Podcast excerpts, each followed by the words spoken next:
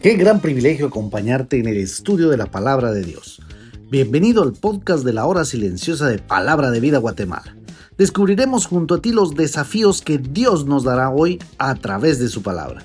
Deseamos que hayas tomado un tiempo para leer con anticipación el pasaje del día de hoy.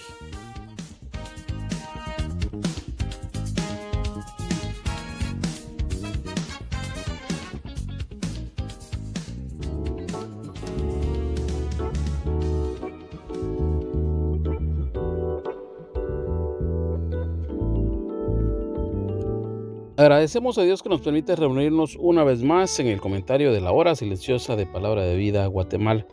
Mi nombre es Ronnie Ajín y hoy estaremos meditando en la primera carta del apóstol Pablo a los Corintios, en su capítulo 3 de los versículos 16 al 23.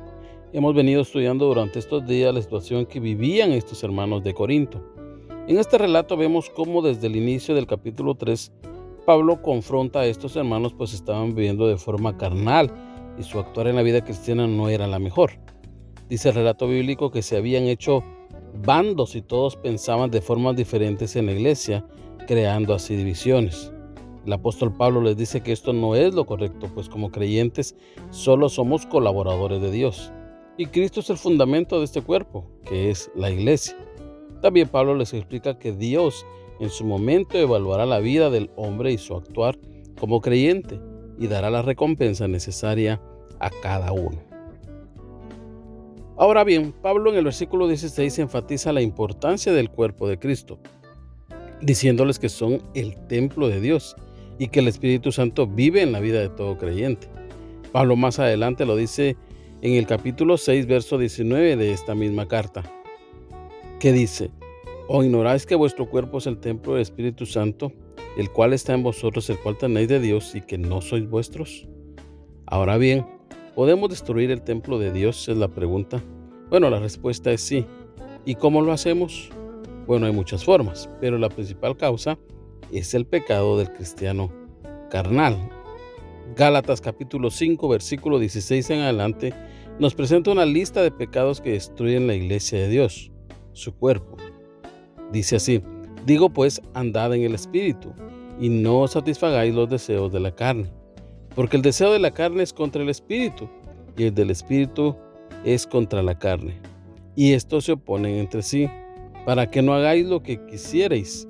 Pero si sois guiados por el Espíritu, no estáis bajo la ley.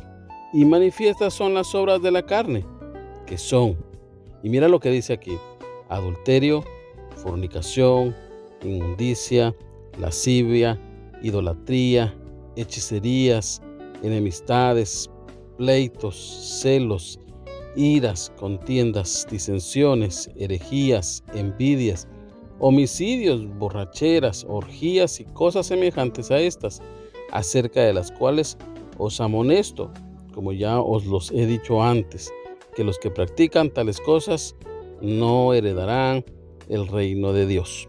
Este tipo de acciones que menciona Pablo se lo dice a los hermanos de la iglesia de los Gálatas. No lo está diciendo a inconversos, se lo dice a creyentes.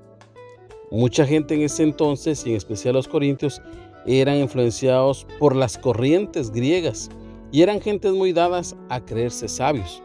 Pablo les dice, no se engañen, queridos hermanos. Si alguno se cree sabio, hágase ignorante para que sea sabio. Ellos querían mezclar la sabiduría humana con la de Dios. Pablo les dice, esta sabiduría del mundo es insensatez para Dios. No pretendamos comparar la iglesia de Cristo con el mundo. El creyente ha caído en esta trampa y hoy día vemos que muchas iglesias se parecen más al mundo que a la iglesia de Cristo. Pablo remarca esta verdad diciendo lo que dice el Salmo 94.11 que dice, Jehová conoce los pensamientos de los hombres.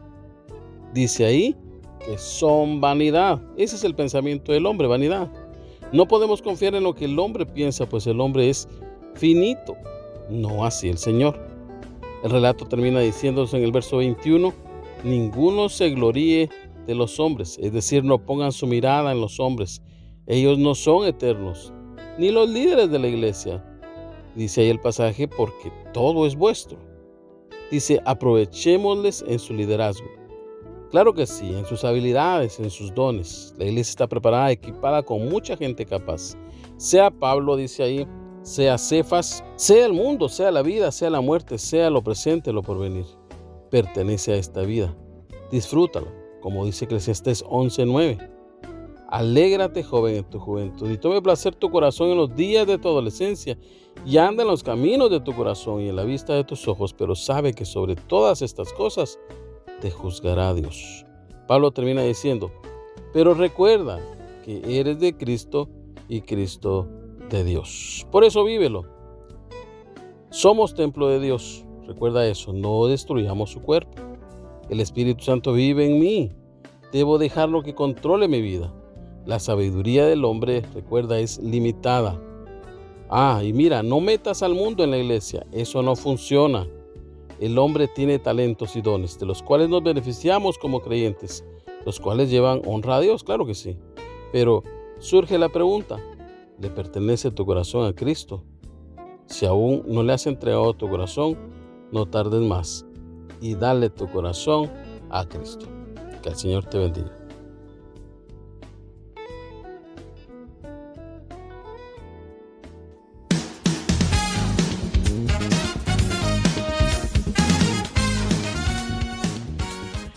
Es emocionante saber los tesoros que Dios tiene en su palabra para nosotros. Ayuda a tus amigos a que descubran la voluntad de Dios para su vida. Comparte este podcast con ellos. No olvides seguirnos en nuestras redes sociales.